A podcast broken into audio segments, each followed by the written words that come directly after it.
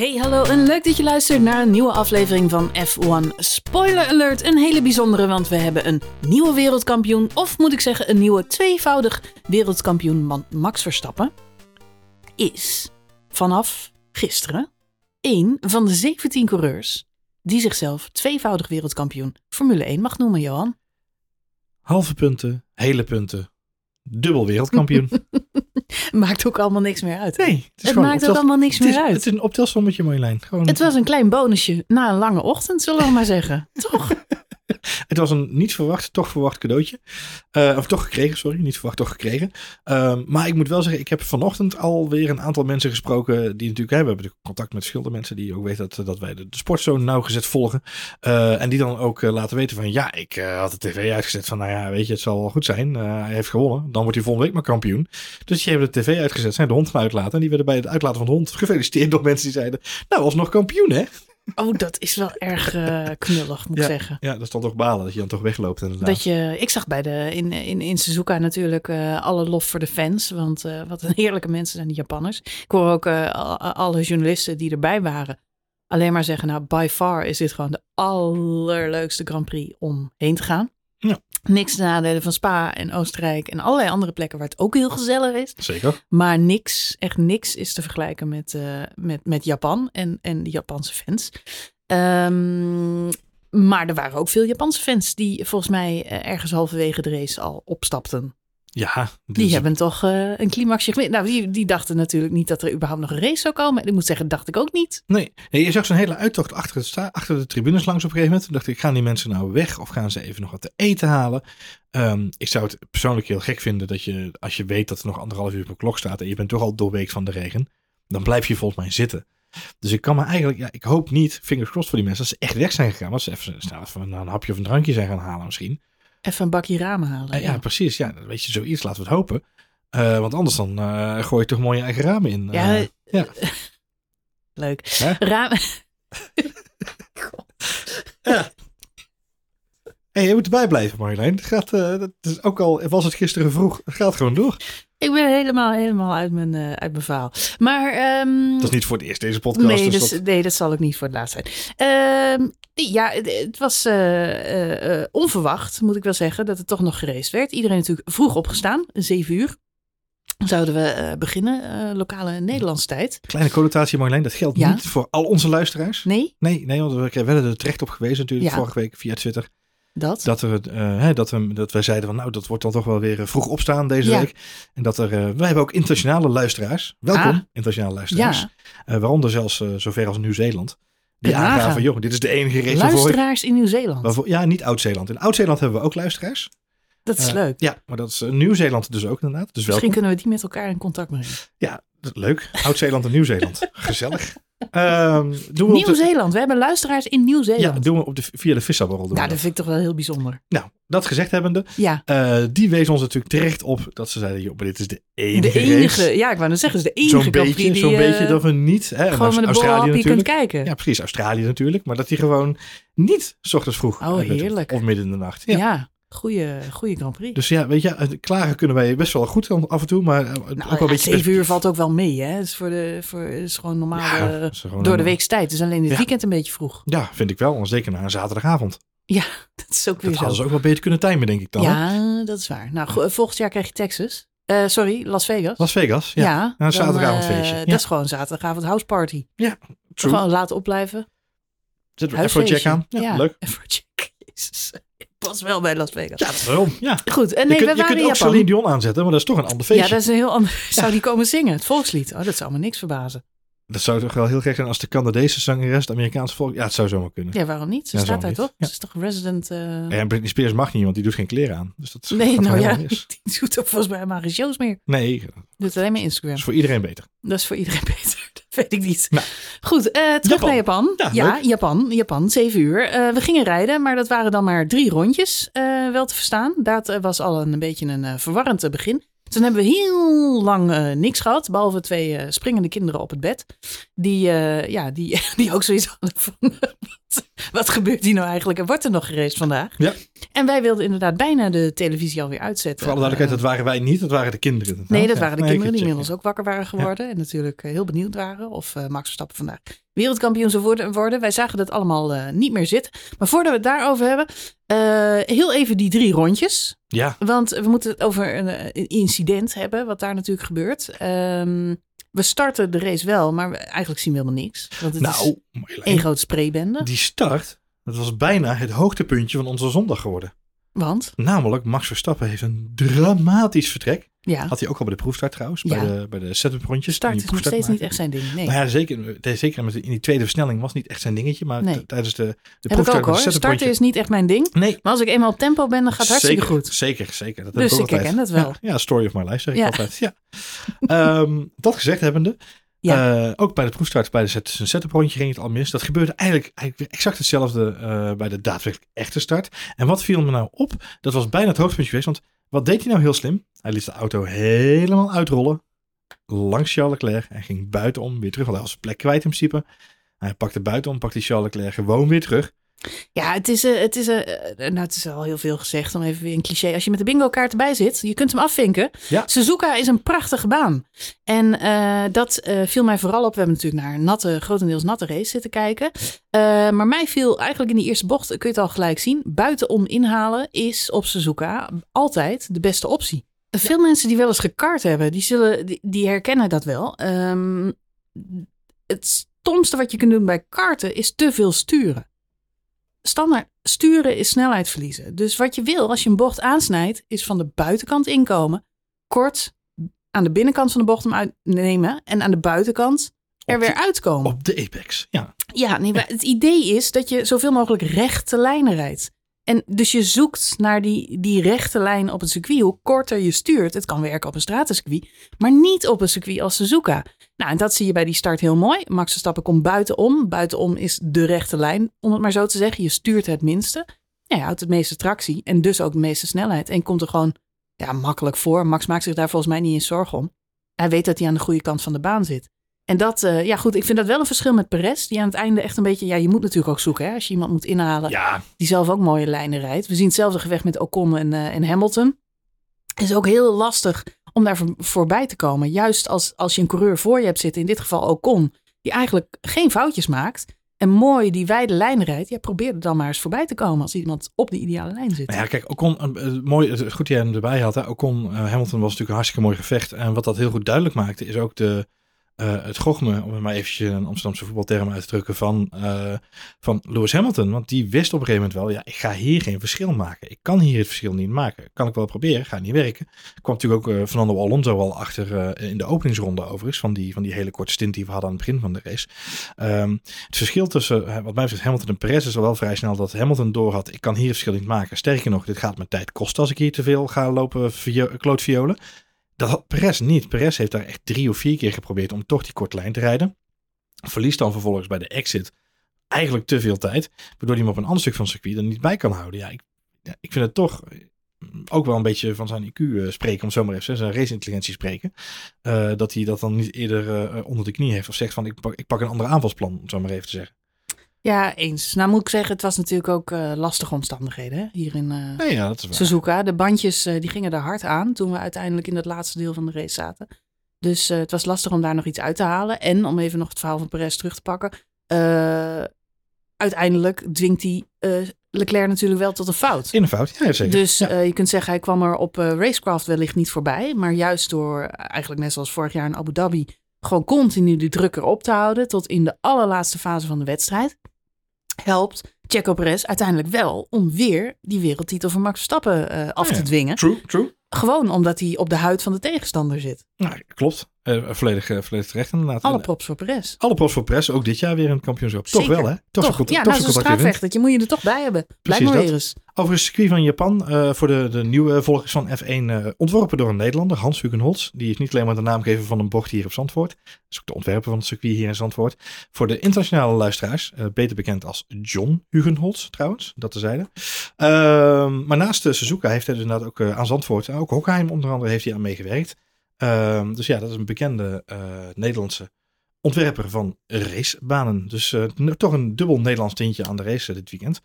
Nou zeg ik natuurlijk iets wat de meeste Formule 1-fans al lang wisten wellicht. Maar toch altijd leuk om een klein feitje erbij te rooien. En natuurlijk ook gerenoveerd door Herman Tilke. Ook dat nog Ook eens. een beroemde ja. ontworpen. Ja, het is, het is, dus, een, het is een, een echt uh, coureurs door, door de grootmeesters onder handen genomen, ja. mogen we wel zeggen. Matthijs van Nieuwkerk zou er een programma over kunnen maken. Ja. laten, we dat, laten we dat voorstellen aan de NPO. Leuk. Dan zijn gewoon alle racebanen over de hele wereld gaan bezoeken. In plaats van chansons krijgen we dan Ja. bordradio's. En dan doen we mooie interviews met oude Formule 1 helden. Nou, dat lijkt me een hele goeie. Leuk toch? Rob Kemps erbij. En muziekje eronder. Rechts. Een muziek, Rob Kemps erbij. Ja, dat is wel gezellig. Ja, Hey, eh, maar we hadden het over dat incidentje natuurlijk in die drie rondes die we dan zien na de start van Verstappen. Want daar, eh, daar kwamen we helemaal vandaan eh, van dit gesprek. En volgens mij wilde jij het hebben over... ja nou, start hebben we het over gehad. Maar daarna natuurlijk hoop crashes. Ik moest meteen aan Spa 1998 denken. Dat heb ik altijd als het waterig en grijs is. En je eigenlijk helemaal geen, snars ziet op de televisie. Want eh, we zagen alleen de, de kopman eh, rijden. En misschien nog heel even Charles Leclerc daarachter. Maar in die spray, daar gebeurt van alles. Het lijkt me dood, dood, dood, doodseng om, eh, om daar tussen te hebben gereden. Het enige waar je je op kunt oriënteren zijn die rode lampjes voor je. Gelukkig zitten ze al wat verder in het seizoen. Zijn de meeste mannen redelijk ervaren. Maar als je daar een paar rookies tussen hebt zitten. Eh, ja, dan zou ik toch echt eh, behoorlijk eh, angstig zijn. Ja. We zien bijvoorbeeld Lance Stroll bij de start. Heb je die beelden gezien? Ja, Lance Stroll die komt over rechts. Die heeft gewoon geen doodsangst. Die is, die is gewoon, ik ga gewoon hier over dit paadje aan de zijkant. Volle snelheid. als hij, als, hij, als hij iemand geraakt had, dan hadden we kunnen zeggen... He came in like a torpedo. Want dat is gewoon echt volle bak gaan. Nou ja, het is gewoon lef hebben. Dat moet je ook natuurlijk. Ik vond ook Seb Vettel, die natuurlijk de afgelopen races, vind ik, vaak wat voorzichtiger doet. Eigenlijk al een paar jaar. Ik heb toch de indruk van dat hij geen risico's meer wil eh, nemen op deze. In elk geval niet in deze situatie. Hij vecht natuurlijk niet voor een kampioenschap of voor podiumplek of wat dan ook. Eh, maar zelfs Seb Vettel. eh, ja, had gasten gewoon weer lekker opstaan. Dus iedereen ging er wel voor op, op die natte baan. Ja. Maar ja, het veroorzaakt dus ook meteen een aantal spinnetjes en, en crashes. We zien Vettel het met Alonso aan de stok krijgen. We zien Sainz eh, vrij vroeg van de baan af eh, spinnen. Ja. Albon heeft natuurlijk een momentje. Die staat eh, in het... In het gras. Ja, Gras. Stil. Ja. dus we verliezen er een hoop al gelijk in die eerste ronde. En dat veroorzaakt vrij snel een safety car situatie. Ja. Die crash van ehm Sainz, die is nog eh, behoorlijk eh, vervelend. Want die komt ook op een bepaalde manier bijna weer terug de baan op. En je ziet hem echt schrikken. Dat je denkt, oh god, laat hij alsjeblieft de baan niet terug eh, opstuiteren. Ja. Iedereen natuurlijk, ja, Spa twee jaar geleden. Maar ook eh, de crash met Sanardi. Het zijn allemaal van die vreselijke auto-ongelukken die je dan... eh, Kimi Räikkönen ooit als Silverstone, dat hij ook terug de baan op kwam eh, met- de auto. Ja, het, het is Ja. het ergste wat een coureur kan overkomen. Nou ja, en dan heb je, nog, dan heb je nog bij Spa en, en bij Snardi heb ik dan niet helder voor de bril, maar bij, en bij Rijkonen dan wel dat recent hebben teruggezien. Maar ehm, dan heb je nog helder weer. Maar hier is het toch gewoon, niemand ziet iets. Niemand ziet iets. Nee, daarom. Dus je, bent, eh, je ziet Sainz volgens mij ook hard op de rem stappen. Dat, dat hij niet terug die baan opglijdt. Maar Ja. het is ja, Spa, eh, Antoine Hubert natuurlijk, het meest recente scenario. eh, uit, om het leven gekomen omdat hij eh, niet de eerste keer geraakt wordt. Maar tweede de tweede keer, geraakt wordt bij het terug ja, op de baan stuiteren eigenlijk. Ehm, dus dat is een beetje een eh, angstig eh, momentje. Ja. Ehm, daarbij komt ook een stuk van de boarding los. En dat zorgt er eigenlijk voor dat Gasly ineens geschept wordt door een soort gigantisch stuk plaat. Ja, een bord voor zijn kop. Een bord voor zijn kop. Ja, Ja. die gast die schrikt zich dood. Ja, natuurlijk. Het is levensgevaarlijk. En eh, ja, toch ook misschien de vraag... ja, goed, dingen kunnen losklappen. dat kunt ook niet even een beetje uit het, uit het raampje hangen om te kijken dat je er doorheen kunt kijken. nou ja, en, en wat jij zegt, je ziet het ook niet aankomen. Omdat, Nee. omdat er zoveel spray was. Je, het is niet dat je vanuit een ooghoek eh, eh, dat aan zag komen vliegen. Dus die schrikt zich dood en eh, moet natuurlijk gelijk een pitstop maken. Ondertussen krijgen we een safety car situatie. Gele vlag. En Pierre Gasly die komt naar binnen. Die switcht dan ook, want ze starten allemaal op inters. Dat is toch wel een beetje optimistisch lijkt het. Gasly besluit om naar full wets te gaan. En dan even later is er natuurlijk ineens die situatie met die rode vlag. Rode vlag is natuurlijk omdat de auto van Sainz daar weggehaald moet worden. Die kunnen ze niet even wegrijden, want ja, die heeft toch een behoorlijke klap gemaakt. En dan moet er een takelwagen de baan op komen om die Ja, auto te maar de vraag is natuurlijk wel wanneer die takelwagen moet komen, Jan Voets. Ja, En eh, ja, er is een hoop eh, discussie ontstaan. Want aanvankelijk zagen we dit allemaal niet zo heel duidelijk in beeld. Er was wat eh, verwarring. Wat Gasly stapt Na de rode vlag zijn alle auto's binnen. Die stapt uit de auto. We zien Gasly in de pitstraat rondlopen. Behoorlijk furieus. Uh, weten in eerste instantie niet wat er aan de hand is. Uh, via Twitter gaat dan al vrij snel duiken de beelden op uh, wat er gebeurd is. Op het moment dat Gasly nog op de baan reed, was die takelwagen waar je het over had al bezig. Die kan de restanten van, ja, van Sainz die wilden ze gaan opruimen. En wat hebben we nou afgesproken, Johan? Geen takelwagens op de baan. Hoe kan het dat er een takelwagen op de baan reed? Ja, dat is insane. En, en, en nog even los van het feit, want de situatie uh, focust zich in eerste instantie op Gasly. Hè, want dat is Mhm. natuurlijk uh, uh, degene die daar het meest van schrikt. Uh, de reden daarvoor is, hij komt daar veel harder voorbij rijden dan de rest van het veld. Want de rest van het veld zit al achter de safety car op dat moment. Is al opgevaren. Hij is de safety car natuurlijk aan het inhalen. Dus hij is nog volle bak bezig om te zorgen dat hij aansluit. Um, maar ook alle andere coureurs klagen na afloop, omdat ze die wagen, die is daar al aan het rijden op de racelijn. Terwijl ze nog met de auto's daar langs moeten rijden. Het is natuurlijk, een... het is natuurlijk ook de plek waar het nu gebeurt. Dat is uh, Nou het ja. eerste wat bij iedereen in de herinnering springt. Maar uh, Gilles Bianchi, Franse uh, Formule 1-coureur, in 2014 om het leven gekomen op Suzuka. Ja. Praktisch dezelfde plek waar dit incident nu weer gebeurde. Ja. Omdat hij ja, noodlottig van de baan spint en tegen een takelwagen aanrijdt. En op dat moment, moet ik erbij zeggen, bestaat de Halo nog niet. De Halo is een van de maatregelen die genomen is om uh, de veiligheid van de coureurs uh, ja, te verbeteren. Ook als je dus tegen obstakels aanrijdt, dat je niet meteen uh, ja, je hoofd geraakt wordt. We zien dat dat bij Grosjean twee jaar geleden natuurlijk nog een heel groot verschil heeft gemaakt. Het feit dat je Ja. gewoon net iets meer beschermd zit. Alonso met Leclerc in. Spa. Nou, Ja. inderdaad. Ja. Uh, ik wou zeggen, Lewis Hamilton Lewis Max Hamilton, Verstappen, Max. Ja, in, hetzelfde verhaal. Ja. Ja, dus uh, ja, het is uh, een maatregel die uh, te danken is toch ook wel aan Jules Bianchi. En een andere maatregel die ook genomen is, is dat er inderdaad geen takelwagens of, of, of marshals op de baan mogen zijn als er nog coureurs rijden. Rijden, Ja. En uh, die maatregel is er niet voor niks, omdat ze eigenlijk pas bij het ongeluk van Bianchi zich realiseerden: een racebaan is zo veilig mogelijk uh, ingericht. En het enige object wat daar uh, in kan komen zijn takelwagens en marshals. En dat die zijn niet ontworpen om, om in contact te komen met Formule 1-auto's. Nu kun je zeggen, hoe groot is de kans dat je tegen een takelwagen aanrijdt? Nou ja, het hoeft maar één keer te gebeuren. En dat is het helaas al. Ja. Uh, Jules Bianchi natuurlijk Fransman, net als uh, Gasly. Hubert trouwens ook een Fransman, zoals Gasly. Het zal hem niet in de koude kleren gaan zitten. Dat uitgerekend hij, notabene, iemand die die uh, persoonlijk ook gekend heeft, daar om het leven is gekomen op datzelfde circuit. Vergeet niet, Gasly heeft vlak daarvoor een stuk van de boarding op zijn neus gehad. Even niet allemaal dat dit verzachtende omstandigheden zijn, maar het, het, het, het stapelt zich nogal op. Nou, dus ik kan wel aangeven dat ik volledig team Gasly ben.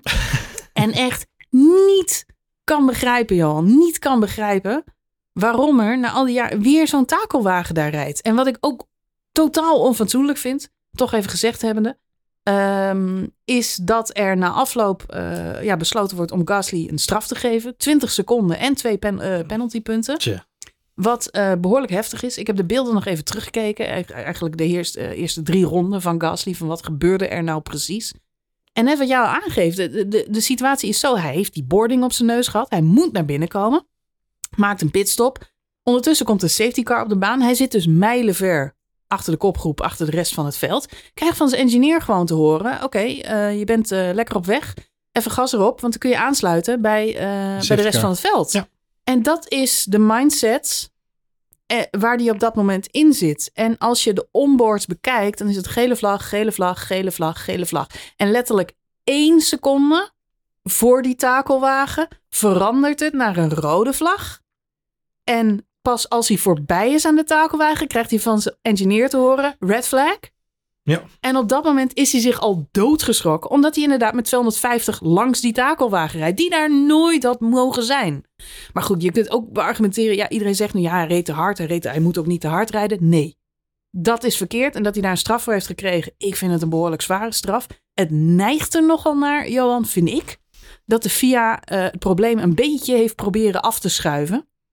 Want op, de, ja, op deze manier wordt Gasly gewoon een beetje als een... Uh, ja, afleidingsmanoeuvre, bliksemafleider ge gebruikt. Ja. Want een formele reactie over de fout die uh, de organisatie daar zelf maakt, heb ik eh, op dat moment nergens gelezen.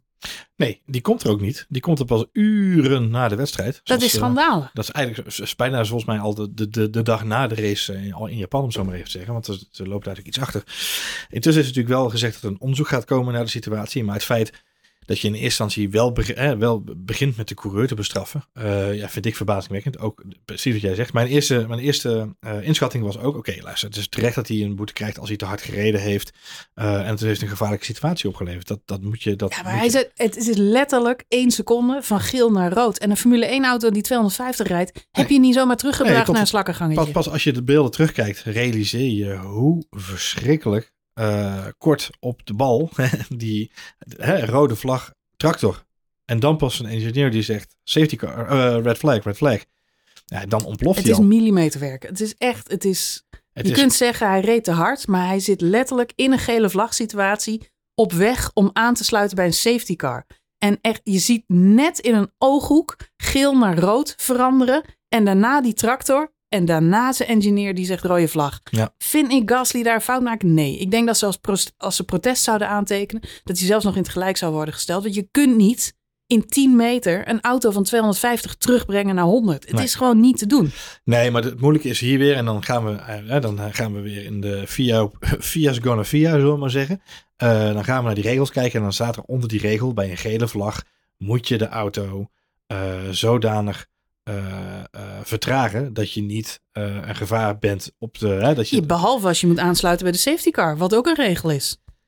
ja, true. Maar ik, weet, ik denk niet dat je een plankgas mag het rondje Ja, mag zeker volmaken. wel. Want die, de auto's die door worden Ik denk- gestuurd. Ik denk dat dat het grijze gebied is waar nu, dit, waar nu deze boete in mag worden gegeven. En vind ik dat een goede situatie. Ik, het is geen zinse verdediging hè, voor wie dan ook. Ik bedoel, als je met de beelden teruggezien hebbende, ehm, de uitleg van Gasly horende, gehoord te hebben en alle andere coureurs, voelt dit inderdaad precies wat jij zegt als een, als een, eh, een, een, een tapijtje waar ze het onder willen vegen. We geven snel de coureur een, eh, een, eh, een penalty. Want dat, hij heeft ook een fout gemaakt. En daarmee proberen ze zichzelf een beetje te verzachten. Een grote mea culpa was meer op zijn plaats geweest. Maar nog veel belangrijker, denk ik aan onderaan de streep, is dat we dan toch, en dat is misschien wel een rode draad van dit weekend, beter opletten hoe we dingen verwoorden in de reglementen. Want eh, substantieel vertragen, ja, op dit stuk van de baan waar hij reed eh, en waar dit gebeurde, daar reed hij eh, misschien wel 250 km per uur, maar daar had hij misschien wel gewoon plankgas kunnen gaan, eh, tot richting 300 kunnen gaan. Dus wat is dan substantieel? Als je in plaats van 300 km per uur 225 gaat, ja, dan ga je substantieel minder snel dan dat je normaal gesproken zou gaan als er gewoon normale omstandigheden zouden zijn. Dus dat vergoedelijk, je kunt het daar niet, dat is altijd een soort van eh, interpretatiediscussie. En dat is het gevaar van dit soort, eh, dit soort discussies met stewards en dat die dan langs moet komen. En dan denk ik, ja, waar moet je het dan hebben, over, over hebben met elkaar? Hé, hey, ik kan daar met mijn auto 300, maar ik reed er 225. Oh, dat vinden we eigenlijk wel te hard. Dat had hij dan moeten doen. 105, wanneer is het dan wel goed? 200? 215? Het ik vind is het zo'n eh, rare discussie Ja, daar moet, daar moet eigenlijk een, eh, een limiter of iets Gewoon, voor zijn. gewoon rare. eh, Waarom gewoon geen safety, safety car of een, een yellow flag limiter? In dit geval, Ja. eh, hij volgt gewoon de instructies van zijn team. En die geven aan... eh Catch the safety car. eh, Catch the safety car. En eh, lekker doorrijden. Zorg dat je de boel weer inhaalt. En dan kun je je race opnieuw beginnen. Ik snap En het. tuurlijk, je kunt zeggen, zijn straf maakt niet zoveel uit. Hij wordt 17e in de race. Door de straf wordt hij 18e. Eh, het kost hem geen punten. Eh, hij had eh penaltypunten staan tot vandaag. Die vervielen vandaag. Hij krijgt er weer twee nieuwe bij. Ja. Dus de penalty license die blijft eigenlijk ook ongewijzigd. Scheelt weer bureaucratie. Dus- ja. Ja, nou, de impact is wellicht niet zo heel erg groot. Ik vind alleen de gepastheid vind ik eh, nul. Raar moment. Overigens, alle andere coureurs hebben zich ook bij hem aangesloten. En ehm, ja, ik blijf het zeggen. ik weet dat dit van oudsher altijd al de discussie is. Ja. In de drivers meetings. Eh, de coureurs die zich druk maken natuurlijk eh, om hun eigen veiligheid. En de FIA die daar vind ik toch af en toe echt een beetje respectloos eh, mee omgaat. ja, zeker. Het Ja. zou ze sieren en, en passen als ze, als ze naar buiten zouden treden. En, en hier gewoon schijnt, excuses voor aanbieden. schijnt overigens ook, hè, dus even een Ja. sidestep. en dan moeten we snel even naar het review van de race. Maar een sidestep is wel dat in de wandelgangen het gerucht gaat dat het al langere tijd ook rommelt tussen Liberty Media en de FOM slash VIA. Met name over dit soort stukken en dit soort eh, eh, situaties zich voordoen. Eh, ik kan me zo voorstellen dat Liberty Media, wat natuurlijk gewoon een commercieel belang heeft in de sport, ook totaal niet happy is met dit soort situaties die zich voordoen. Dit hele weekend weer aan zich, zou je kunnen zeggen, de- is een voorbeeld van wat je niet wil hebben. Dit als, is absoluut. Als FOM, FOM is natuurlijk de club die de uitzendrechten voor zijn rekening neemt. Dus die is bezig met de show. Liberty Media daar, daar bovenop. Die halen al die Las Vegas, Miami Grand Prix allemaal niet voor niks eh, eh, naar de kalender. Juist omdat ze willen dat dit het grootste en leukste sportspektakel ter wereld wordt. Ja. Nou ja, dit jaar was, of, of deze race moet ik zeggen, was er op de FIA, die dan over de sport eh, gaat en de sportreglementen en het toepassen van die regels, weer een hoop aan te merken. Waardoor het commercieel allemaal niet helemaal liep. ja, Laten we, zoals je zou willen, toch? laten we hopen dat ze die plooi kunnen gladstrijken. Want het laatste waar je op zit te wachten is dat er nu een soort Super League discussie ontstaat tussen, tussen de Formule 1 teams Tussen en, de eh, twee, eh, en de commerciële partijen. Ja. Nou, het is absoluut geen eh, visitekaartje eh, voor de sport, eh, vind ik, eh, op deze manier. En Nee. eh, zeker ook geen verbetering. We hebben natuurlijk vorig jaar het Michael Massey incidentje gehad. Eh, die is dan nu vertrokken en er zijn nu wisselende race directors, is het verhaal. Ja, ik eh, vind het eh, nog niet altijd een verbetering. Er ontstaat toch ook alweer een hoop eh, onduidelijkheid. Hier en daar. Ja, en ik denk dat dus de, de, de, hè, het begon rommelig met, met de regels op zaterdag, of zondag, sorry. En uiteindelijk ook rommelig met de regels. Het is net alsof alles ingewikkelder is geworden, denk ik soms wel eens. Maar dat- ja, dat, dat de hele krijg- wereld om ons heen, maar met name ook de Formule 1. Maar Want dit soort, dit soort, ik kan me niet herinneren. Vroeger was het allemaal straightforward. De, de gekste races die, die me zijn, zijn bijgebleven zijn bijvoorbeeld Spa 98, waarin eh 50% of 60% van de, van de grid gewoon crasht in de eerste bocht.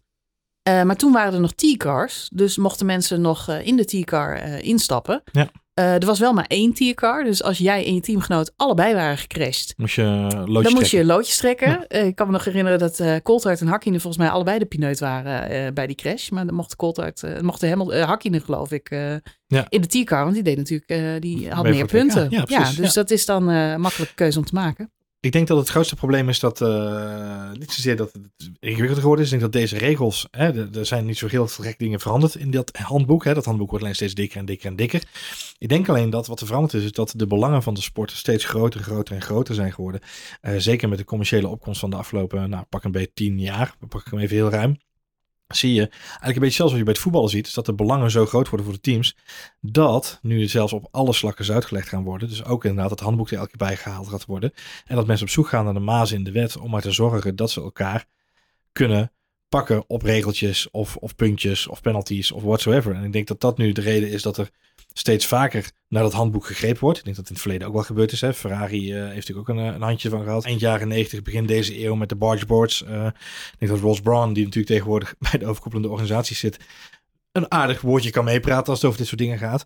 Maar ja, zeker nu dat de cost cap, hè, laten we het er niet over hebben, want vandaag gaat het natuurlijk helemaal los. Maar nu die cost cap eh, volledig ingetreden is, ehm, de teams technisch gezien dichter bij elkaar zouden moeten komen te liggen, zal het handboek steeds vaker een rol gaan spelen, omdat dat een van de wapens is die teams nu hebben om hun commerciële belangen te verdedigen. En dat, ja, dat is natuurlijk altijd lastig als dan, de, als dan het papierwerk niet in orde is, als de regels niet helder zijn, ja, dan ontstaat er ruimte voor discussie en dat maakt geen enkele sport vaak beter. Eens, eens. Eh, even dan eh, terug naar de, de regenrace. Eh, achteraf bezien vraag ik me wel een beetje af. Hadden we niet gewoon eerder kunnen starten, Johan? Dat vroeg Lewis Hamilton zich ook af. Ja. Eh, die had daar zelfs de tijd voor om dat op Instagram te doen. Dus die had Oh. zelfs tijd om even een storytje te openen en te zeggen... laten we gewoon een rondje gaan rijden, kijken hoe ver we komen. Dat deed hij tijdens de rode vlag. Ja, zat gewoon lekker binnen. Even lekker op Instagram. Toen zei Lekker. hij, hey, ik stel voor dat we gewoon een rondje gaan rijden. Dan zien we gelijk hoe het ervoor staat. Kijken we vanaf daar wel even wat er eh, wat gaat gebeuren. Ondertussen deed hij nog een Ask Me Anything. Ja, precies. En, dan nog even een, eh, en daarna deed hij nog even een fotoshoot. Voor een of ander modehuis. Nee, het geeft wel een beetje aan dat die coureurs natuurlijk in die, eh, in die rode vlag wel redelijk ontspannen in zaten. Wij zagen natuurlijk de beelden met z'n allen eh, op de televisie. Ehm, het werd er niet echt beter op in de eerste instantie. Uiteindelijk werd het eh, weer wel wat stabieler en begon het wat minder hard te regenen. Was er nog wel veel staand water. Maar ja, hoe krijg je dat weg? Je kunt of met een swiffertje over, het, over de baan gaan. Of je kunt er gewoon twintig auto's overheen laten jakkeren met, met extreme wet banden. Ehm, nou, uiteindelijk duurt het dan ook best wel lang voordat die knoop doorgehakt wordt. Ehm eh, ja, het is eigenlijk- gekund. Ja, het is natuurlijk op de Engelse feed horen we Christian Horner. Die geeft een interviewtje. eh, met de vraag van, wat denk jij? Wordt er nog geraced vandaag? Volgens mij zitten we dan net op het uurpunt. Want op een gegeven Ja. moment begint die klok natuurlijk te lopen. Hebben we nog twee uur om te gaan racen. Nou, dan zitten we een uur lang zitten eigenlijk naar niks te kijken. Ehm, en net zo voor het hele uur eh, horen we Christian Horner. En die krijgt van, ja, op dit moment, we zien geen verandering. Het is eigenlijk al constant een uur lang hetzelfde. En er verandert niks. En eigenlijk op basis van die uitspraak eh, Ja. ga je ervan uit, ja, als ze het het afgelopen uur niet gedaan hebben en het verandert niet, waarom zouden ze dan het komende uur wel gaan racen? En eigenlijk vrij kort na het interview komt er ineens in beeld te staan: over 10 minuten gaan we racen. Ja. Dat verbaast zelfs de commentatoren, onder andere Jensen Button. Die, eh, oh, oh, we gaan toch racen. Ja. Terwijl er eh, niks is veranderd. Nee. En dan stellen we de nog keertje steeds? uit. Ja, precies. En we gaan toch racen. Ja, en dan gaan de coureurs ook allemaal de auto in. Dus eh, dan is het nog even haasten voor een aantal coureurs. Ja. Want eh, ze zijn allemaal erg eh, druk geweest met het enthousiasmeren van het publiek. Nog even de laatste Instagram-post afmaken. Nog even de laatste Instagram-post afmaken. We Ja. zien Yuki Tsunoda lekker met ze overal op zijn enkels hangen. En ehm, ja, de monteurs die zijn ook lekker van links naar rechts aan het doen. Ja. Eh, maar ineens eh, is er paniek in de pitstraat. Want je hebt nog eh, 10 minuten om weer terug te komen. En zorgen dat het ding gestart is. En we weten van Yuki Tsunoda dat het nog behoorlijk lang duurt voordat die seatbelts allemaal weer aangesnoerd zitten. Dus ja, dat moet dan heel snel even gebeuren. En dat doen we achter de safety car, want we krijgen een rolling start. Ja. Overigens ook interessant, de teams zijn verplicht om te starten op blauwe bandjes, Ja. full wets. Daar is eigenlijk niemand echt heel blij mee, behalve degene die misschien niet te veel risico willen nemen. Maar ja, full wets, eh, Christine Horner in datzelfde interview geeft nog aan dat de full wets ongeveer vier seconden langzamer zijn dan intermediates. Dus je wil daar eigenlijk niet te lang op rijden. En dan krijgen we een hele interessante ja, race. Ja, Ik denk 40 minuutjes, 45 minuutjes om Grand. Prix? Ja, ja. hebben we eh, naar zitten kijken. Eh, ja, dan krijg je een beetje pitstopstrategie over en weer. Sebastian Vettel is natuurlijk bij die eerste start, bij die eerste, eerste Grand Prix van drie rondjes, helemaal achteraan komen te liggen door dat incidentje met, eh, met Alonso. Die had een dijk van de kwalificatie trouwens. En een geweldig eh, afscheidsweekend op, eh, op zijn zoeker. Maar hij ligt wel eh, achttiende uit Ja. mijn hoofd bij die herstart. Dus wat doet hij? Ze hebben een plannetje bedacht. Hij gaat gelijk naar binnen voor die intermediates. En dat is eigenlijk de strategie waarmee hij uiteindelijk een zesde plek binnenhengelt. Ja, hij niet alleen, maar ook de GOAT himself, Nicolas Latifi. Gaat Zeker weten. Maar maakt daar een heel slim gebruik van, eh, van die... eh, Dat zijn toch de teams die de tijd goed besteed hebben onder de rode vlag. Die hebben nog even gekeken van wat kunnen we nou het beste doen om dingen te winnen. Nou, dat is zeker gebleken dat dat voor, voor Latifi en voor Vettel de, de grootste stap was, eigenlijk onderaan de streep. En iets later is dat volgens mij Lennon Norris, die uiteindelijk ook naar binnen gaat, vrij snel die stop maakt.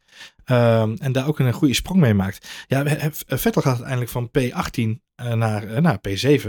Ehm, wat natuurlijk een ontzettende sprong voorwaarts is. Echt insane. Ehm, eh, iedereen denkt op dat moment, oké, dit is wel heel erg heftig. En dan duurt het volgens mij twee, drie rondjes. Voor de leiders in het veld geldt sowieso, hè, dat, dat, is vrij bekend. Die kunnen dan niet zo makkelijk naar binnen. eh, want die verliezen dan nog te veel tijd op de rest van het veld als ze naar binnen zouden gaan. Dan komen ze eigenlijk op een eh, hele onprettige plek natuurlijk terug in het, in het veld als ze hun pitstop hebben gehad. Dus Max, Leclerc en ook Sergio Perez. En achter hem ook eh, Lewis Hamilton ehm, en, eh, en Alonso moeten nog wat langer door. Ehm, maar je ziet eigenlijk dat iedereen die de, de, stop kan maken, er heel verstandig aan doet om zo, lang mogelijk, zo snel mogelijk die intermediates op te halen. Eh, Ja, maar het is natuurlijk wel een risico. Want wij zitten naar een Grand Prix te kijken waarvan we eigenlijk dachten dat die niet zou gaan gebeuren. Want bijna de tv uitgezet. Nou ja, wij niet, maar sommige mensen wel. Die, om, omdat het niet meer zou gebeuren. De kans was aanwezig dat ze drie, vier, vijf ronden achter de safety car hadden gereden. Net zoals in Spa vorig jaar. Ja. En dat de VIA gewoon gezegd had, we zien niks op televisie. Of dat had de FOM dan weer gezegd waarschijnlijk. ja. We zien niks op televisie, dus stop er maar mee. Eh, en dan was de race misschien wel gefinished. Zoals op dat moment de posities waren. Dan was het geen race geweest. Want dat is dus de nieuwe regel die ook in Spa is gesteld. Nee, er moeten klopt. twee rondjes gereden zijn zonder een Zonder safety car. safety car. Dus dan waren er nul punten Dus uitgedeeld. vandaar dat het ook niet zo heel erg gek was. Er dan, waren, dan maakt het niet uit. er waren heel veel mensen die zich afvroegen. eh, eh, volgens mij ging de safety car er al na drie, vier rondjes uit. Eh, daar was iedereen wel een beetje verbaasd over dat hij zo snel alweer eh ertussen uitging. Er was ook geen communicatie over. hè, er stond safety car, exit en this lap. Maar er stond geen, geen, verder geen uitleg bij van hoe of wat. Nou, ineens ging de lamp op groen en waren de heren onderweg. Eh, verbazingwekkend, maar aan de andere kant ook wel logisch, omdat ze natuurlijk wel wilden zorgen dat ze die twee rondjes erin hadden zitten met, de, hè, met de, de, de, de- het volledige veld over de start en finish heen. Ja, want dan konden ze in elk geval die halve punten uitdelen. Kon ze in ieder geval iets van puntje uitdelen. Dus dat is, eh, dus dat is de reden waarom daar waarschijnlijk die safety car ook zo snel eh ertussenuit ging. Ehm, op dat moment was hè, de kop en de staart van het veld zeiden van, nou ja, ik denk dat het wel gaat op zich met eh intermediate. Ja, we kunnen wel verslag met de wedstrijd. Ja, het valt wel mee. Het zicht is denk ik wel beter. Maar het was nog steeds een risico om dan al naar binnen te gaan. Niet voor Vettel, want die reed toch al achteraan. Dus er was geen risico. Maar stel Nee. dat Max, hè, waarom zou Max niet meteen naar Inter zijn gegaan? Nou ja, wat als alsnog na twee of drie rondjes herstelde, was een grote crash gebeurd. En ze hadden die race alsnog afgevlacht. Of dat was een safety car gekomen. Ja, dan rij je wel lekker op je inters op de achtste, negende, tiende plek. Uh, maar dat is gewoon shit voor je punten natuurlijk. Nee, kijk, er waren natuurlijk een aantal dingen waar ze rekening mee moeten houden. Eén was natuurlijk zicht. Nou, Ja. en, en wat eigenlijk wel grappig was om te zien, gisteren ook in de, in de, eh, in de race, is dat dan inderdaad de top 5 zo'n beetje zegt, nou, het zicht is wel oké hoor, het zicht is wel prima. Die kon natuurlijk de ruimte creëren met elkaar om een beetje zicht te houden. Het middenveld, Valtteri Bottas, Daniel Ricciardo, die hadden zoiets van, nou, ik zie geen kip. Ik zie helemaal niks. Ik vind het eigenlijk helemaal niet zo veilig. En in het achterveld zeiden er ook een paar die wat achteraan reden. Zeiden ook van, nou ja, op zich kan het wel nog. Ja, we kunnen gewoon lekker starten. Laten we maar gewoon gaan. Nou, dan Ja, zie je het- ja, dat zicht toch belangrijker is in eerste instantie dan je denkt. Eh, nog even los van grip. Ehm, en dan gaan ze inderdaad met z'n allen naar binnen. Ja, dan kan een, een Max niet naar binnen inderdaad. Precies wat jij zegt. Want als op dat moment eh, er een safety car komt, dan heeft iedereen de rest achter hem. Heeft... Nou, hij, moet, hij moet even wachten. Hij, dat is gewoon het verhaal. Je moet even stabiliseren. Er zijn er een paar in het achterveld die kunnen dat risico nemen. Goed gedaan. Vettel. Plukken daar uiteindelijk Latifi. Plukken daar uiteindelijk de vruchten van. Eh, voor de kopgroep is dat niet zo makkelijk. Die moet even wachten tot die race een beetje gestabiliseerd is. En eh, we zien natuurlijk ondertussen ook dat die eh, intermediates het goed doen. De coureurs die zijn overgestapt. Zelfs Latifi. Eigenlijk de perfecte man. Eindelijk heeft hij zijn, eh, zijn meerwaarde in het veld bewezen. Namelijk de perfecte testcoureur. Om te kijken of hij hem met intermediates op de baan houdt. Nou, dat lukt.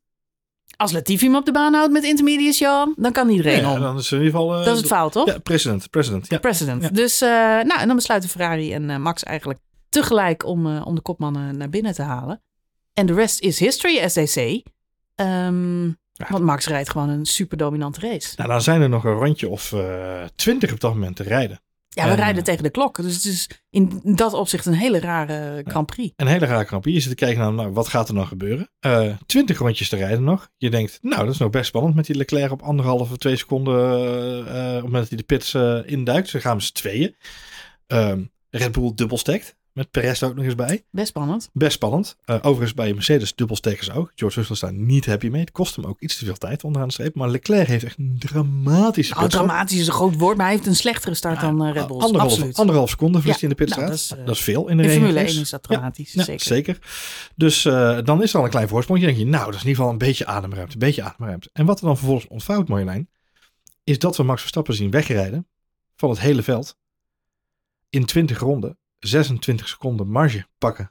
Ja, ik eh, zei gisteren tegen jou, dit is uh, Schumacheresk. Het is... ehm, Dit een- is eh, ja, lang niet vertoond. unleashed, zouden ze dan zeggen. De line Unleashed. Het is echt een, een, een bizarre ontwikkeling. Heeft natuurlijk ook wel te maken met het feit dat Charles Leclerc in een soort van wanhoopspoging om zoveel mogelijk bij Max Verstappen in de buurt te blijven, zijn banden zo over de klif geholpen heeft, dat hij inderdaad aan het einde van de race eh, ook nog ten prooi Hij moet wel, hè? Even alle props op voor eh, Leclerc. Hij heeft eh, gevochten tot het eind voor wat hij waard is. Er is maar één coureur die dit jaar bij Max in de buurt heeft kunnen komen. En dat is wat mij betreft Charles Leclerc. Ja. En het is niet zo dat hij onder de druk ten onder is gegaan in deze laatste Grand Prix. In eerste instantie bij die Ferrari die we natuurlijk in beeld za- zagen, dachten we heel even dat dat Charles Leclerc was. Ja, maar dat niet. nee, gelukkig. Voor, voor Ferrari op dat moment nog. Ja. Nou, gelukkig. Ja, eh, en voor, voor het kampioenschap natuurlijk ook eh, wel fijn. eh, Ja. Waar we naar zitten te kijken. Nee, maar Leclerc heeft gewoon een goed weekend gehad. En de enige die Max heeft bijgehouden. Alleen, ja, goed, uiteindelijk was het, race, het gat wel 26 seconden. Het is insane om te zien in, de, in die eerste fase. hè, ze zijn dan met z'n tweeën een League of Their Own in die, in die eerste stint op de wets. Dan rijden ze al 7, 8, 9 seconden weg bij, bij de nummers 3, 4 en 5. Zij creëren eigenlijk al gelijk een gat met z'n tweeën. En dat is niet voor het eerst dit seizoen dat we dat zien. Dat zij zo in staat zijn om, eh, om compleet een heel veld achter zich te laten. En ja, dat sperkt ook boekdelen voor het talent van, eh, van Charles Leclerc natuurlijk onderaan de streep. Eh, maar ja, op dat moment zitten we natuurlijk te kijken naar een race tamelijk ontspannen. Want je denkt, nou ja, 20 minuutjes racen nog en eh, het zal wel goed Ja, komen. wat ik zeg, een soort sprintraceje met halve punten. Halve puntjes, want iedereen... Iedereen vertelt ons media, dat. twitteraars, Wij zijn geen media, hè?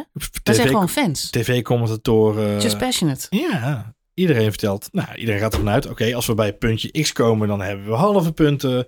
En komen we bij puntje Y, nee, dus eerst, eerst een kwart punten, dan halve puntjes. De hele grafiek wordt eh, zo'n beetje visueel eh, eh, uitgespeeld voor ons. Ehm, dus iedereen heeft dus een beetje van, nou, het zal wel goed komen zo. Het is ook een beetje omdat in die lange rode vlag situatie de commentatoren, eh, in ons geval de Engelse commentatoren, ons natuurlijk hebben uitgelegd hoe het dan allemaal zich zal ontvouwen. We kunnen ons Spa 2021 nog herinneren. eh, die paar ronden achter de safety car, die enkele ronden niet achter de safety car, halve punten. Wat de rest van het jaar echt voor een verschrikkelijke puntentelling op het leiderschapsbord eh, resulteert. In elk geval voor OCD'ers zoals ik, die worden daar helemaal gek van dat het dan niet meer in de vormgeving past. Maar ehm, misschien hebben ze daarom wel gedacht, daar moeten we vanaf. Of in elk geval moeten we het altijd eh, vermijden als het niet eh, per se noodzakelijk is. Maar de commentatoren hebben ons uitgelegd, luister, als we nog een uur op de klok hebben staan om te racen in deze omstandigheden op een natte baan, wordt het praktisch onmogelijk om nog 37 ronden te rijden, wat dan die 75% van de race zou zijn geweest. Ja. Als we die 37 ronden, die 75% van de race niet gaan halen, dan worden er automatisch halve punten uitgekeerd. En ja, met halve punten en ehm, geen snelste ronde. En Charles Leclerc op plek 3 Ja, of 2 op was twee, Max geen wereldkampioen geworden. Maar ook Nee. niet met Charles Leclerc op plek 3 Nee, nou, als je één en geen puntje kort snelste gekomen. Dan was hij één puntje tekort gekomen. Dus er ontstaat volledige consternatie.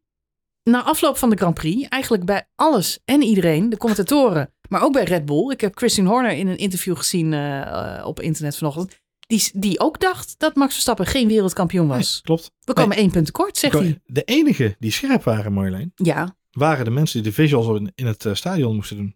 Die, eh, of eh, op stadion, in circuit. ja de- die waren heel dapper. Die hebben gewoon Ja, op de knop gedrukt. Maar, Start de sequence, jongens. Daar is die. en toen zei jij, hij is weer weg, hij is weer weg. Ja.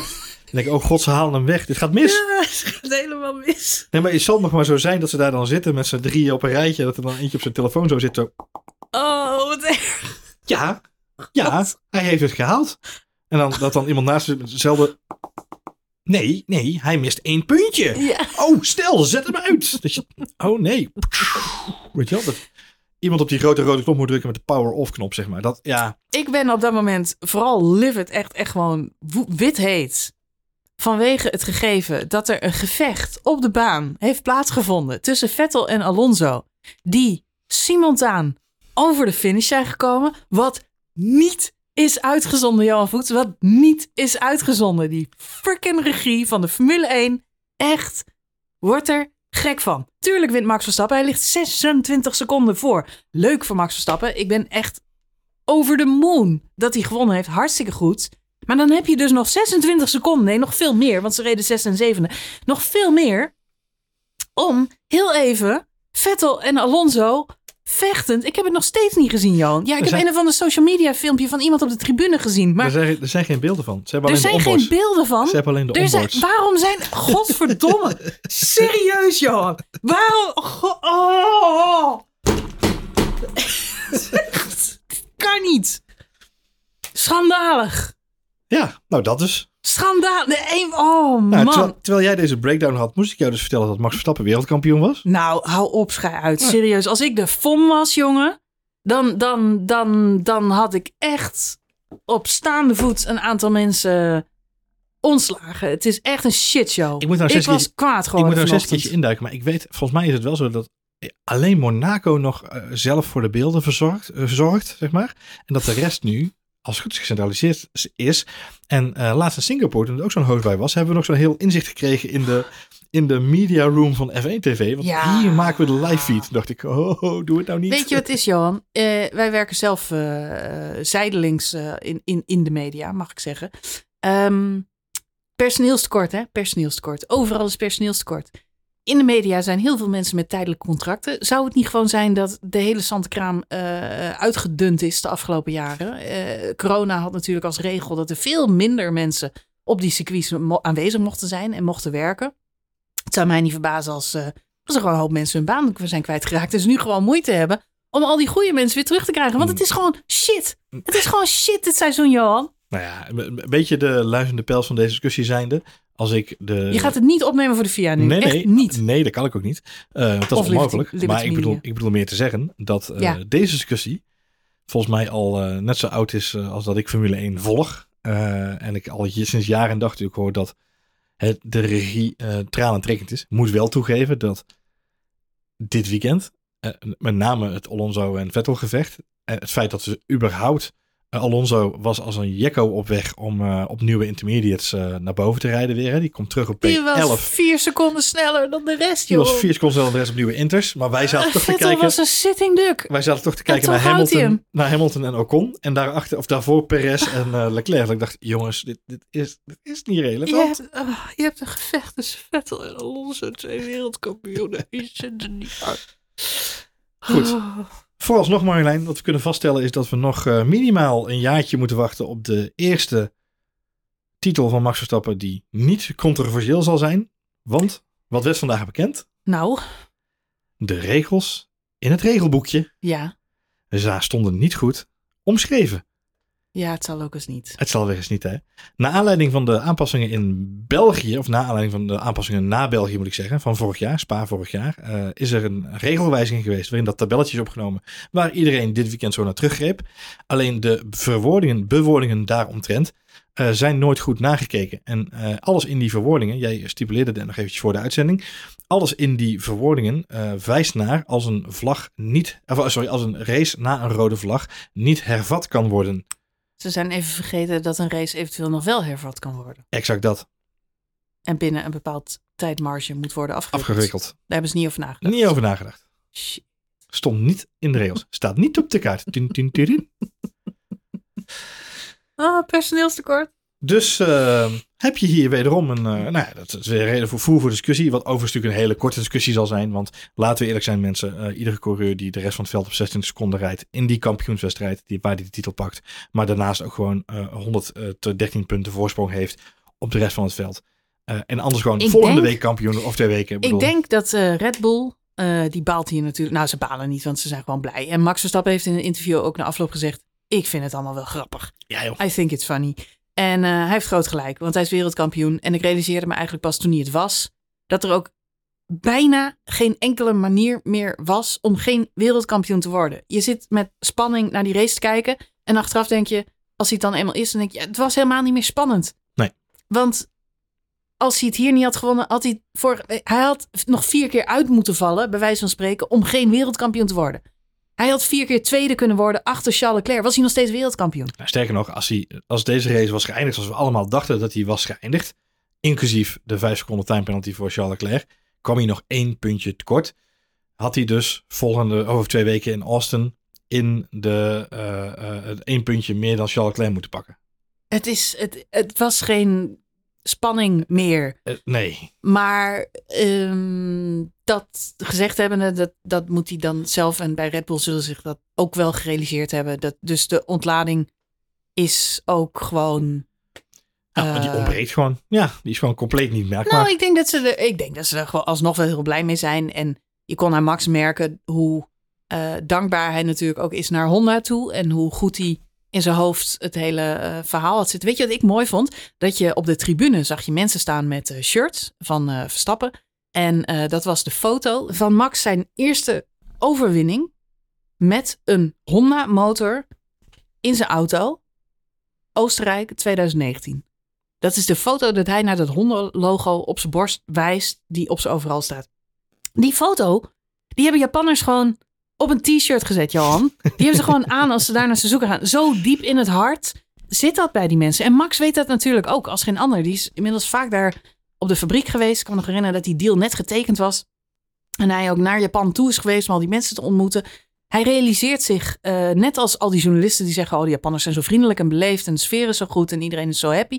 Max realiseert zich dat al jaren, want hij heeft veel met de Japanners te maken gehad en is daar vaak geweest. En hij ziet, net als Sebastian Vettel dit weekend, die ook uitvoerig door de fans daar bedankt wordt, hij ziet hoe, eh, hoe dit mensen in het hart raakt en hoe belangrijk dat eh, voor hun is. Dus in alle interviews die hij dit weekend gegeven heeft, hè, eh, zegt hij eh, het heel bijzonder om het hier te kunnen doen. Eh, de plek van Honda, er staat ook weer een Honda-man bij hem op het podium.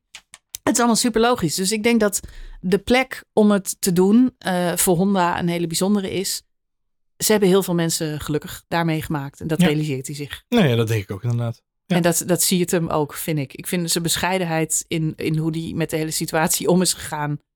Maar ik, vond, ik vond het mooi dat hij, hij, hij krijgt te horen. Ik ben het toch niet? Ik ben het toch niet? Ze hadden dat hokje ingericht. Met- met die stoel en dat vachtje en Oh, zo'n videootje. En Hij gaat daar ook zitten en hij denkt, Oh, ja, dit is echt ongemak druipt er vanaf. fucking awkward. Eh, Verschrikkelijk. Dus hij staat ook op en zegt, I feel lonely. En hij gaat gewoon lekker terug. En hij gaat naar Ja. Jensen Button en naar Sergio Perez en naar Charles Leclerc. Hij voelt zich daar zwaar ongemakkelijk En ik ga gewoon even lekker hier zitten. Maar goed. Ehm, eh, nou Maar ja. de- even terugkomend op eh, ja, anticlimax. Ja, nou, enerzijds eh, een beetje door de hele, hè, hoe het gebeurd is. En niemand had die regels op orde. Fout van alle journalisten. Fout vind ik ook van de organisatie. Want die hadden in elk geval een press memo uit kunnen geven naar iedereen. En kunnen zeggen, luister, eh, als deze race zo doorgaat, dan zijn het gewoon full points. Op dat moment wist natuurlijk nog niemand dat Charles Leclerc eh, die straf zou krijgen. Maar alsnog had je ergens tussentijds al even iemand kunnen laten checken, zijn het full points? Ja. Want blijkbaar, op het moment dat die gasten daar eh, stonden, onder het podium, was al duidelijk dat er full points Sterker nog, komen. dat was de hele race al. Want de, Nou ja, waarom, waarom de, live, track, de ja, live tracker werd ook gewoon geüpdate met full points. Ik Dat heb me dat de hele race ook afgevraagd van, zouden ze nou... Maar een waarom, waarom stuur je daar dan niet even een update van naar, naar Brundle, Button, eh, via Play, weet ik veel. Ja, iedereen die, die niet of, ja, verslaggeving doet. Goeie vraag, goede vraag. En de, wordt- de vraag is, als er mensen zijn eh, die onze podcast luisteren, die de internationale feed van F1 TV hebben gevolgd met de F1 TV commentatoren, Ja, dus eh, Jordan Palmer en, en consorten, waren ze er daar wel van op de hoogte? Ik heb begrepen dat niemand ervan op de hoogte Nou, dat was. zou grappig zijn. Want als die feed namelijk wel wist dat hij kampioen zou worden, dan zou het, dan is dat een heel ander soort uitzending geworden natuurlijk, onderaan de streep. Maar volgens mij heeft niemand het inderdaad meegekregen. Zelfs dus de mensen van F1 TV Nou ja, en de niet. mensen van de teams ook niet, want bij Red Bull, Christine Horner zei ook gewoon in het eerste interview, nee hoor, we komen één punt kort. Ja, Het siert wel een beetje Marjolein dit Ja. formuleseizoen. Hè? En dan even, ik zei het gisteravond al tegen je, maar de, de, het siert ook wel een beetje de formule. De formule kampioenschappen. De Formule 3 kampioen. eh, dat is eh, eh, Victor Martins uit mijn hoofd. Die is kampioen geworden in de pitstraat. Felipe Drugovic in de F2 werd kampioen in de pitstraat. Ja, en Max Verstappen werd nu ook kampioen in de pitstraat. Nou ja, hij werd vooral kampioen eh, in de twaalf races die hij dit het- seizoen hij, wist te hij wist daar dat hij kampioen zou worden. Laat ik Ja, zeggen, kom op. laat Even geen beetje- afbreuk doen aan, eh, ondanks deze, deze fuck-up, echt Een beetje dichtelijke vrijheid om het mooi te maken. van de organisatie. Ehm, ook sneu trouwens voor de Japanners, want die, die hebben volgens mij alles tot in de puntjes geregeld. Hartstikke goed gedaan. Zelfs het kamertje ingericht. Ja, Hadden alles klaarstaan. zeker. En die komen er nu ook een beetje lullig vanaf. Nee, ik vind echt dat de organisatie hier ook weer grote fout heeft gemaakt. Maar doet niks af aan dit kampioenschap van Max Verstappen. Dat staat als een huis. Ik vind eh, niet dat mensen het mogen vergelijken met vorig jaar met Abu Dhabi. Controversieel, Nee, want hier is helemaal niks controversieels aan. De Niks puntenvoorsprong is gigantisch. Ik verwacht, eerlijk gezegd, de manier waarop het nu gegaan is, ehm, dat Red Bull no- dat nog wel even goed gaat maken. Ik denk volgend jaar, eh, over twee weken in, eh, in, in Amerika. En Austin, ja. En dan krijgen we ook nog Mexico, wat natuurlijk allebei echt wel eh, feestjes eh, zijn. Qua, Ja. eh, sowieso qua zonnigheid. Dus eh, kunnen we het allemaal weer wat beter zien. Precies. Ehm, maar ook eh, qua... Ja, even eh, afkloppen, eh, Marjolein. We dat, net zien dat de ze zon daar- daar schijnt. In ja, Austin. Ja, ja. Ja. het Ja. kan me net zo zijn. kan, kan daar ook eh, een behoorlijke Die ene hozen. moesson daar ook. eh, Ik ja, dat zeggen. is wel waar. En koud zijn. Ja, goed. Ja, dat kan ook. Nou ja, goed. Maar nee, ik verwacht dat ze daar nog wel een beetje eh, zullen goed maken. Mexico kunnen we ons natuurlijk nog eh, opmaken voor een gevechtje tussen Max en eh Checo. Dat zal geen gevechtje worden, denk ik. Nee, dat denk jij niet? Nee. Jij denkt dat Max het cadeau gaat geven? Max gaat daar eh, tweede Dat denk viool rijden. Ja, ja. Echt? Ja, denk ik echt. Ik vind Max niet het type om dingen cadeau te geven. Oh nee, nee. Het zal, niet, het zal ook niet, het zal ook niet eh, zichtbaar zijn hoor. Maar ik denk dat, dat op het moment dat zich Hij heeft problemen. Nee, maar, nee, hij zal, ook, nee, hij zal zeker niet uitvallen. Laten we niet vergeten, Max Verstappen kan nog een heel belangrijk record pakken dit jaar. Dat is het record voor de meeste Formule 1 overwinningen in één seizoen. Ja, dat, daarom. kan niet, dat, dat staat op de kaart en dat zal hij willen pakken en ook willen Ik denk aanscherpen. dat eh, Sergio ervoor moet vechten hoor. Nou ja, hij zal niet zeggen na u mevrouw. Dat, dat zal het niet zijn. Maar hij zal wel. eh, ik denk dat hij Ik met denk dat Sergio meer, eh, Perez ook geen respect van zijn eigen thuispubliek ontvangt. Als hij niet fair en square eh, Max weet te verslaan. Dat is het thuispubliek dat er reeds zal roesten. Die drinken gewoon een coronaatje en die gaan nog even lekker nee, aan Johan. de slag. Ben jij ooit blij met een gegeven overwinning? Mm, ja, Nee, Mwah. daar is niemand blij mee. mwah. Nee, dat geloof ik niet. Maar goed, het zal nog wel een Denk, denk, worden. je, denk je dat als, ehm, eh, eh, laat ik het zo zeggen, een gegeven overwinning, Ja, als er, als, er, als er niet iets gedaan wordt bij Red Bull, met alle respect, niks aan nadeel van Sergio Perez, maar dan is er geen enkele indicatie dat in de tweede seizoenshelft Sergio Perez het kan winnen van Max Verstappen op de baan. Dus er zal iets moeten worden gedaan.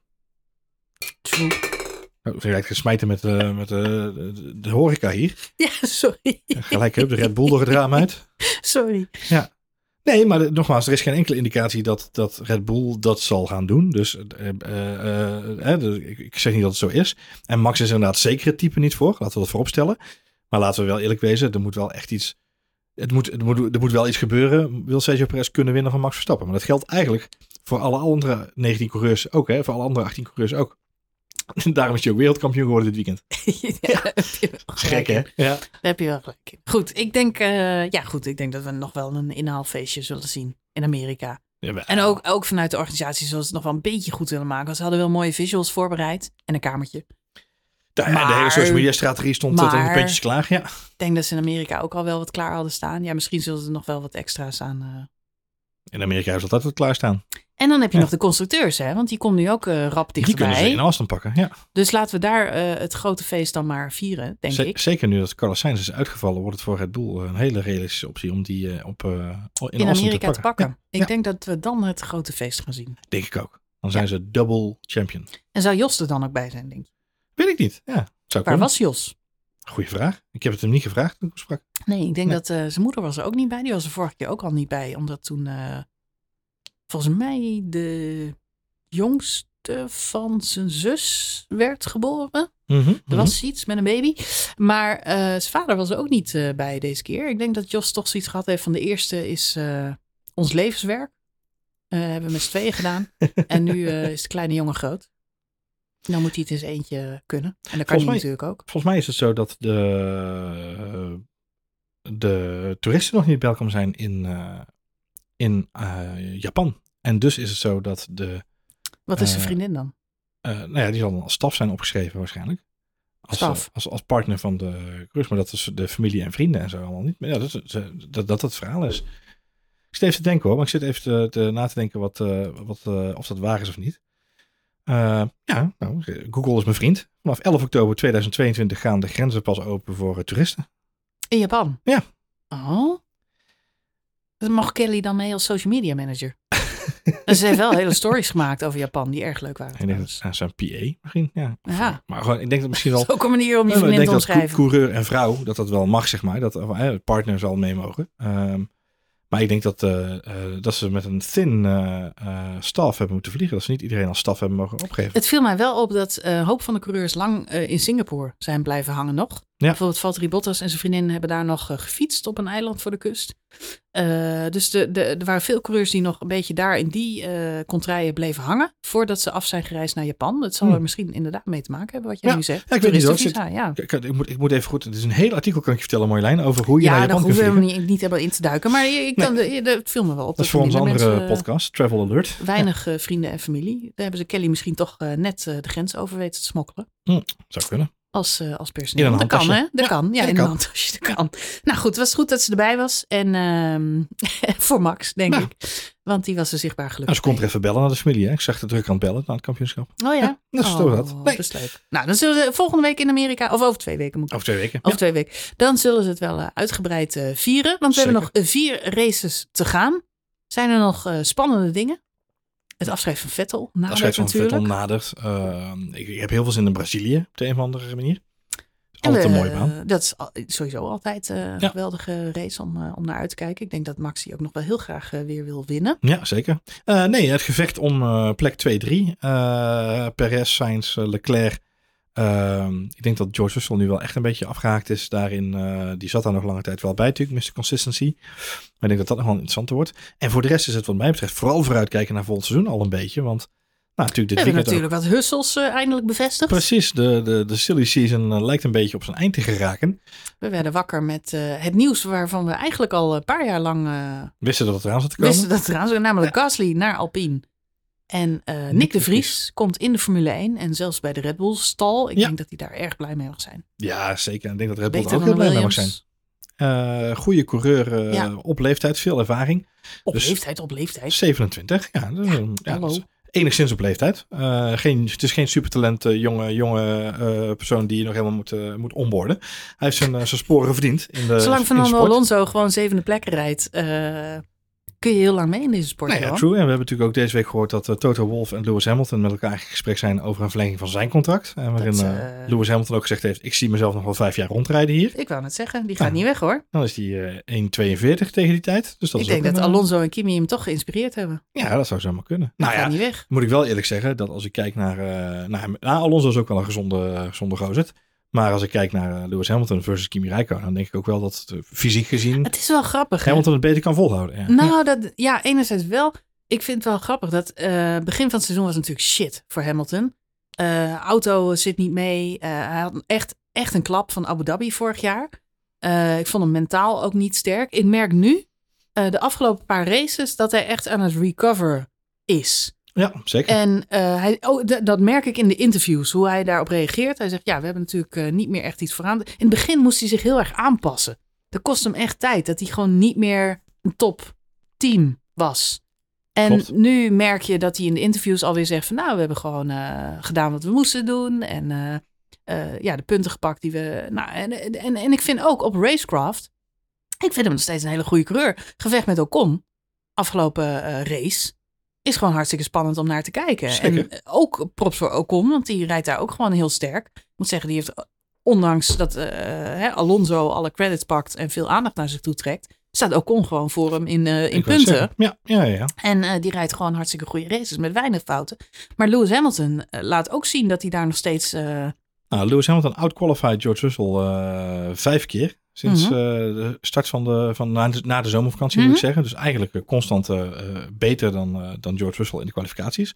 Ehm gat tussen de twee heren is intussen nog, nog maar tussen haakjes eh, eh, 27 punten.